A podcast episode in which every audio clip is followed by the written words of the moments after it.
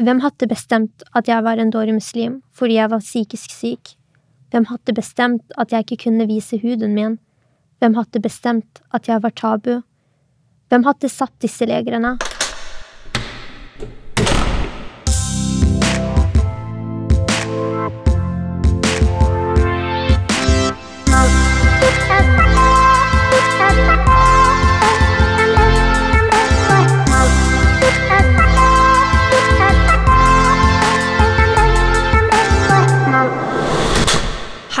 Velkommen til oss i Bak lukka dører. Vi er noen av IMDis minoritetsrådgivere som hjelper elever i vanskelige situasjoner. Vi sitter på Østlandet, men det fins minoritetsrådgivere til stede i alle landets fylker. Jeg heter Helene, og med meg i rommet har jeg Hero. Aska. Bano. I podkasten Bak lukka dører blir dere kjent med unge mennesker som deler historier fra livet sitt. Dette er historier om ulike veier til frihet. Om dilemmaene, fortvilelsen, ensomheten og styrken ved å komme seirende ut. Noen forteller for første gang om store valg de tok i ung alder for å få leve det livet de ønsker og drømmer om. Dette er historier om både det utrygge og trygge som skjer bak lukka dører. Vi håper at denne podkasten kan inspirere, vise vei og bidra til å løfte frem noen av historiene til unge mennesker som har måttet kjempe for å kunne bestemme over sitt eget liv og forme sin egen identitet. Denne podkasten tar opp temaer som ungdom kan kjenne seg igjen i, og kan oppleves triggende for noen. Det er viktig at du ikke sitter med vonde tanker og følelser alene. Husk at det er mange du kan ringe eller kontakte om du vil snakke med en voksen. Dagens gjest er Rahma, som er forfatter, og har i en alder av 20 år skrevet en av 2020s sterkeste bøker om sin ungdomstid. Om det å flykte fra krig og hvordan krigen fortsatt lever i deg, lenge etter at den er over. I boken tar Rahma opp flere temaer, blant annet religion, forbudt kjærlighet, studievalg og om selvmordsforsøk når skammen ble større enn døden for henne. Velkommen, Rahma. Tusen takk. Du er bare 20 år, Mm. og så har du skrevet en bok som heter Å samle solstråler fra Mosul til Ja. Drammen. Ja. ja. Vi har jo alle sammen i studio lest den. For et fantastisk navn. Tusen takk. Poenget med navnet er jo at i løpet av hele livet mitt så har jeg jo prøvd å samle solstråler fordi jeg definerer det som trygghet. Hvordan eh, samler du solstråler nå, når du er i Norge? Du sier her er det kaldt. Ja, altså, det er ikke Det er jo vanskelig i og med at Norge er så kaldt, men jeg samler det på gjennom følelser, egentlig, og opplevelser. Altså, det var jo en dagbok før, men så jobba jeg med det og gjorde det om til en selvbiografi. Åh, det er så utrolig modig gjort. Tusen Eh, takk. Du deler så mye av livet ditt. Mm. Eh, mange har jo ting som de aldri deler med noen, Mm. men det virker som du bare åpnet deg opp og bare tenkte at eh, dette her skal jeg dele. Helt siden jeg var liten begynte jeg å skrive, men da jeg ble eldre ville jeg bare skrive noe som var så ekte, som kunne inspirere andre, eh, og fikk masse, masse følelser hos dem. Det var det som gjorde at jeg turte å gi ut boka mi, fordi jeg vet at boka mi kommer til å bli en brobrikke til forståelse, støtte og dialog til flerkulturelle og etnisk norske, fordi jeg tar opp problemer som både norske ungdommer opplever, og både muslimske jenter opplever. Jeg bare tenker på boken din. For meg så handler den òg veldig mye om em, forskjellige typer frihetskamper som du har tatt. Sant? Både med religion, med psykisk helse, med foreldrerollen og hva den betyr, og med deg sjøl. Eh, og gjennom boken din så skriver du på en måte forskjellige situasjoner der du har befunnet deg bak lukka dører, og ditt ønske om å åpne de. Mm. Jeg tror nok det er mange ungdom som kjenner seg igjen i det. Det er jo en fase der man utforsker seg sjøl. Ja, og jeg Mm. syns det er veldig trist at noen ungdommer må gå gjennom så mye for å finne seg selv. Eh, Jeg tror det er det verste som finnes, egentlig. Og jeg har jo fått mange meldinger og e-poster fra ungdommer som sier av hvordan de har det, hvordan de har hatt det. Og jeg syns det er så tøft at vi befinner oss i et samfunn der man må kjempe så mye for å finne ut av hvem man er. Hvis du skulle gitt noen ungdomstips som du, altså, eller Mm. erfaringer du har vokst på? I forhold til både det å åpne den døren Mm. og det du sa nå nettopp. Hva ville det ha vært? Altså, det ville ha vært tipset jeg har gitt meg selv eh, i en lengre periode, og det er at du skal være selskapt, Du skal skape deg selv, og du skal aldri være ordinær. Det er noe jeg har gått rundt og sagt til meg selv så mange ganger, og i flere kamper, når eh, jeg har blitt, jeg har blitt tvunget til å sitte ned og høre på folk snakke om hvordan jeg skal være, og hvordan jeg ikke skal være. Og etter mange timer å høre på de snakke, så hadde jeg en respons, og der jeg er selvskapt. Visste du at alle har en psykisk helse, og de fleste av oss vil i løpet av livet oppleve flere perioder hvor denne ikke er like god? Jeg låste meg inne på rommet og leste islams troslære. Jeg overholdte de faste bønnene og gjentok bønner mens jeg dusjet, men selv med støtten fra islam så var jeg fortsatt like ødelagt. Ja, for jeg skal jo innrømme at jeg har jo hatt en dårlig relasjon med regionen, i og med at jeg har blitt tvunget til å praktisere den um, på grunn av psykisk helse. Men etter jeg ble eldre, så skjønte jeg bare at den religionen er jævlig vakker, og det samme er mange andre religioner, og det er derfor jeg har skrevet om blant annet kristendommen og jødedommen i boka. Føler du at psykisk helse nå finnes i din religion? Ja, når jeg har sett på det litt annerledes fra andre perspektiver, da kan jeg rett innrømme det. Eh, Men jeg vil fortsatt si at psykisk helse ikke blir snakket nok om i alle religioner. I absolutt alle religioner. I kristendommen, jødedommen, alle sammen. Det blir ikke snakket nok om. Det eneste man tar opp, er hvordan man skal leve, hva man skal tenke og hva man skal si. Man setter seg ikke ned og faktisk snakkes, øh, snakker om psykiske lidelser. Visste du at hvis du har det vanskelig og sliter med vonde tanker, er det alltid hjelp å få? Hvis du er akutt bekymret for noens liv og helse, kan du ringe 113. Vi møter unge i vår arbeidshverdag på de skolene vi sitter på, som ofte må skjule hvem de er, og deler av seg selv. Noen har hemmelige kjærester, andre skifter på vei til skolen. Vi har hørt at mange kaller dette for et dobbeltliv. Har du opplevd å leve et dobbeltliv? Ja, det har jeg. Så klart. Jeg var jo den typiske muslimske jenta hjemme, og en helt annen person der ute. Jeg kommer jo fra en streng familie som har en, en høy status i Irak, og som fikk en høy status i Norge òg. Um, og jeg måtte bare være perfekt hele tiden. Jeg skulle alltid ha toppkarakterer. Jeg skulle alltid gå med de klærne. Mamma var veld, veldig streng på at jeg skulle bare gå med dyre klær. Um, det var veldig mye jeg måtte gjøre. Uh, så det endte bare opp med at jeg levde et dobbeltliv. Fordi jeg ble aldri spurt om hva jeg egentlig ville. Jeg fikk jo beskjed fra jeg var seks år gammel at jeg skulle bli forfatter og studere medisin. Uh, så jeg har rett og slett levd et dobbeltliv. Som veldig mange andre. Lever du det livet du ønsker i dag? Delvis. Jeg jobber veldig hardt med å gjøre det. Um, og jeg har innsett at jo mer jeg finner meg selv, desto mer mennesker jeg mister. Men jeg har kommet til et punkt der jeg heller vil miste alle sammen enn å miste meg selv. For jeg har mistet meg selv før, og jeg vil bare ikke oppleve det igjen. Jeg vil si at jeg er 30% unna av å leve det livet jeg virkelig vil. Så jeg jobber hardt hver dag med å komme nærmere. Rama, du beskriver veldig godt dette med dobbeltliv. Kan du si noe om hvordan det kjentes på kroppen å kjenne på det der med å ha ett liv hjemme og ett liv ute? Jeg har opplevd veldig mange belastninger på grunn av det. Fordi jeg gjorde bare det jeg fikk beskjed av alle. Jeg gjorde det lærerne mine sa, jeg gjorde det foreldrene mine sa, det slekten min sa, det vennene mine sa. Jeg gjorde aldri noe som jeg faktisk ville. Altså, det kjentes veldig forvirrende, eh, for jeg visste aldri hvor jeg skulle gjøre av meg selv.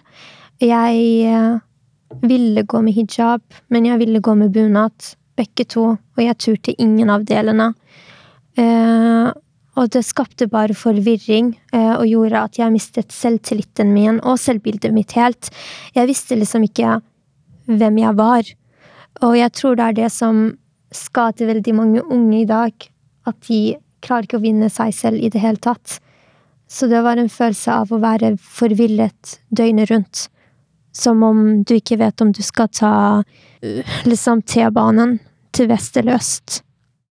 Eh, dette med strenge foreldre og ungdommer som søker dårlige miljøer, er noe som har gått igjen i mange generasjoner. Eh, hva tror du er grunnen til at vi stadig tar et skritt fram og to tilbake? Altså, greia er at når barn og unge lærer seg å holde hemmelighet for foreldrene sine, så kommer de bare til å ende opp med å skape dårlige relasjoner og i et dårlig miljø. Det er bare fakta. Fordi foreldrene og barna kommer til å miste tilknytningen til hverandre. Foreldrene kommer ikke lenger til å ha en mulighet til å ha forståelse for barna eller skape en dialog med dem, så begge partiene taper, rett og slett. Jeg tenker at det kommer av at når man opplever så strenge rammer rundt seg og må feire feilfri hele tiden, så vil man bare dra til et sted der man blir anerkjent. Uh, og det er jo det som skjedde med meg. Jeg dro jo til et miljø med kriminelle, uh, rusmisbrukere, de farligste folkene du kan tenke på, bare fordi jeg ville ha den følelsen av at å, her vil noen ha meg, her er jeg feilfri, liksom foreldrene prøver å være så strenge mm. og kontrollere og sette rammer eh, ja. rundt eh, barn, barnet sitt. Men så gjør de det motsatte. Ja, det Selv om måte det. det skal være liksom skummelt, og du skal ikke gjøre det, for da får du de og de konsekvensene. Mm. Men så skjer det motsatte. Ja, At de men... ungdommene gjør nesten nesten verre ting enn det foreldrene kanskje fryktet i første omgang. Det er akkurat det, og det handler jo om det med trygghet. Man føler ikke at man har den tryggheten hjemme, og trygghet er så essensielt, så man må bare dra der man finner det. Eh, og det er jo noe av det jeg har tatt opp i boka. Jeg mistet tryggheten min, så jeg dro det jeg trodde jeg ville finne det, men jeg fant ikke. Du fant ikke? Nei. Men hva er det som gjør at du nå finner eh, trygghet? Nå er du jo på eh, et helt annet sted.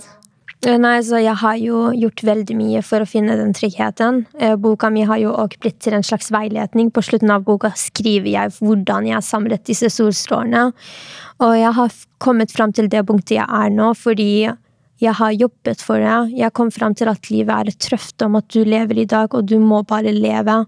Og det første verket jeg har tatt i livet mitt, er faktisk denne boka. Og jeg har bestemt meg for at hver dag skal jeg våkne og ta mine egne valg, uansett hvem som står foran meg. Navnet på denne episoden har vi kalt uh, for Ulike veier til frihet. Det er spennende. Du har vært på jakt etter din trygghet, og når du fant tryggheten din, så fant du også friheten din. Mm. Hvordan vil du veilede andre ungdommer som jakter sin frihet? Jeg vil si at det er lov å gjøre feil, og du må bare tri deg selv for å finne fram til tryggheten og friheten din. Fordi problemet i vårt samfunn er at så mange unge får ikke lov til å gjøre feil. Spesielt muslimske jenter. Og når man ikke gjør feil, så klarer man aldri å finne seg selv, men kommer til å ende opp som 25-åring uten å ha gjort noe og ikke vite hva man egentlig er. Så mitt beste råd til alle der ute er å gjøre det makefølelsen din ber deg om Uansett om det er feirer riktig, fordi alle feirene du gjør, ender opp med å være budskap. Jeg, som meg, for eksempel. Jeg har gjort så sykt mange feir, men uten dem hadde jeg ikke funnet meg selv. Noen vil kalle det å gjøre feil, men det du snakker om akkurat nå, er ikke å gjøre feil, men å finne seg selv. Ja, for når noen holder oss igjen og begrenser vår frihet, så er vi inne på negativ sosial kontroll. Det kan være forskjellige måter ungdom kontrolleres, presses eh, og overvåkes for å passe på at de følger familiens eller gruppens uskrevne regler om hvordan de skal oppføre seg. Ofte handler kontrollen om å beskytte familiens rykte og ære. Og eksempler på dette kan være at man ikke får velge sine egne venner eller utdanning selv. Jeg skjønner mange som har blitt tvunget til utdanningen sin, og er, jeg tror ikke det er så gøy. Ass. Jeg syns òg det er så trist fordi for eksempel, som sagt, jeg kommer jo fra den familien, så vi fikk jo beskjed. Vi fikk, eh, la oss si, fem ulike yrker å velge mellom. Og så tenker vi sånn herregud, jeg kan velge mellom fem ulike, men nei, egentlig, det er ikke sånn det er. Men når vi er inne på dette med, eh, som et eksempel, da, det med yrker, at man får liksom valg, velge mellom A, B og C, så er vi jo inne på dette her med negativ sosial kontroll. Det at foreldre vil at du skal velge noe innenfor visse rammer, mm. og når du ikke gjør det, så har det visse konsekvenser. Og så er det forskjell på det å ta frie valg og det å ta valg. For et fritt valg skal ikke ha noen betingelser uansett hva man velger. Mm. Det skal ikke være velger jeg den eller den personen å dele livet mitt med, men hvem som helst. At du har det frivalget, da. Du kan både si nei, men du kan også velge noe helt annet enn det som legges frem som valg. Og i boken din så beskriver du en reise der du egentlig skjuler kjæresten din veldig, veldig lenge. Kunne du ha sagt noe om hva du var mest redd for skulle skje hvis foreldrene dine oppdaget denne forbudte kjærligheten? Jeg husker søstera mi sa til meg foran foreldrene mine du kan ikke elske noen som ikke er troende, for de har ikke noe i hjertet sitt. Men jeg tenkte på denne gutten, og jeg tenkte herregud, han er det kjæreste jeg vet om. Jeg vil bare ha han mer enn alt annet i hele verden. Men jeg elsket foreldrene mine. Jeg var veldig redd for at foreldrene mine ville gi meg helt opp hvis de visste om han. Og Foreldrene mine klarte jo å finne ut av alt selv etterpå. Det, alle fikk jo vite sannheten. Og det var da jeg tok en overdose.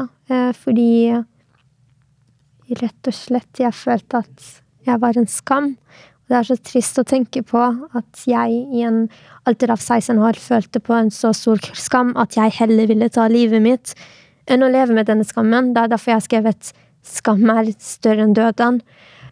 Jeg vil heller dø enn å bli avslørt bare av kjærlighet. Hva er det som gjør at, eh, eller hva er det som har gjort at foreldrene nå lettere klarer å støtte deg, når du sto imot all den motstanden fra samfunnet og hva folk vil si, og, og nå står de der og har ryggen din og har lest boken din og bare heier på deg? Altså, greia er at de dyttet bort religion og kulturen helt bort, og tok meg i søkelyset. Og herregud, slekten min er jo noe for seg selv. Og når de ringer til foreldrene mine og skal klage, så lekker mamma og pappa bare på. Så de har, eh, de har bare dyttet alt negativt unna for å holde meg sammen. De er jo min klippe, herregud. Så det er jeg faktisk veldig takknemlig for. Du sier noe om at eh, foreldrene dine har òg skjermet seg sjøl og skjermet deg egentlig fra resten av slekten. Ja. Og når det gjelder negativ sosial kontroll, så kan det omfatte hele storfamilien. Sånn det kan være noen i opprinnelseslandet eller hjemlandet som utøver et visst press. Eh, og det du forteller litt om, som du sa litt i sted, er at foreldrene dine òg har vært på en reise. Mm. Og de har tatt noen valg underveis og har på en måte utviklet seg. Og ta noe avstand fra en del ting og fra det presset de har følt. Er det noe dere har snakket åpent om? Nei, faktisk ikke. De bare gjorde det. Og jeg syns det er kjempekult at eh, jeg trengte ikke å spørre engang. Det var bare noe de skjønte var riktig å gjøre. Så det er skikkelig deilig å vite at foreldrene dine har rikken din. At man kan skape en endring hvis man vil ha en endring. Det gjorde jo foreldrene mine. De skjønte at ok, Rahma klarer ikke dette her, og hvis vi skal ha henne, må vi dytte unna det og det og det, og vi må endre oss. Og det gjorde de. Vi anbefaler så mange som mulig å lese denne fantastiske boken. Du kommer til å bli rørt, og du kommer til å smile, og du kommer til å le litt, men mest av alt, du kommer til å felle minst en tåre. Og så har Rama Instagram. Følg henne der. Og det skal vi også gjøre. Vi følger deg allerede Ja, og syns det er så gøy. meg. Ja, vi har stalket deg. Vi måtte Ja. gjøre litt research. da har vi kommet til veis ende. Og det har vært uh, utrolig fint å sitte her og snakke med deg, Ramma, og høre deg uh, se tilbake på historien din og dele refleksjonene dine rundt uh, disse temaene som vi er så opptatt av. Tusen takk for at du har vært med på å åpne våre dører. Takk for at du kom, og vi ønsker deg masse, masse lykke til videre. Tusen takk for at dere ville ha meg. Det er en stor ære. I Ulike veier til frihet har vi møtt Rahma. I mange år levde hun et dobbeltliv, før hun klarte å løsrive seg fra en ukultur som fortalte at hun måtte sette familiens ære foran sin egen psykiske helse. I dag har hun det bedre med seg selv og lever et liv hun er stolt over. Hun har også kommet nærmere sin egen familie igjen, som endelig forstår at hun trenger å bestemme over eget liv og egen fremtid for å kunne ha det bra. Bak lukka dører er en podkast utarbeidet av en gruppe minoritetsrådgivere i Integrerings- og mangfoldsdirektoratet i samarbeid med Portapod.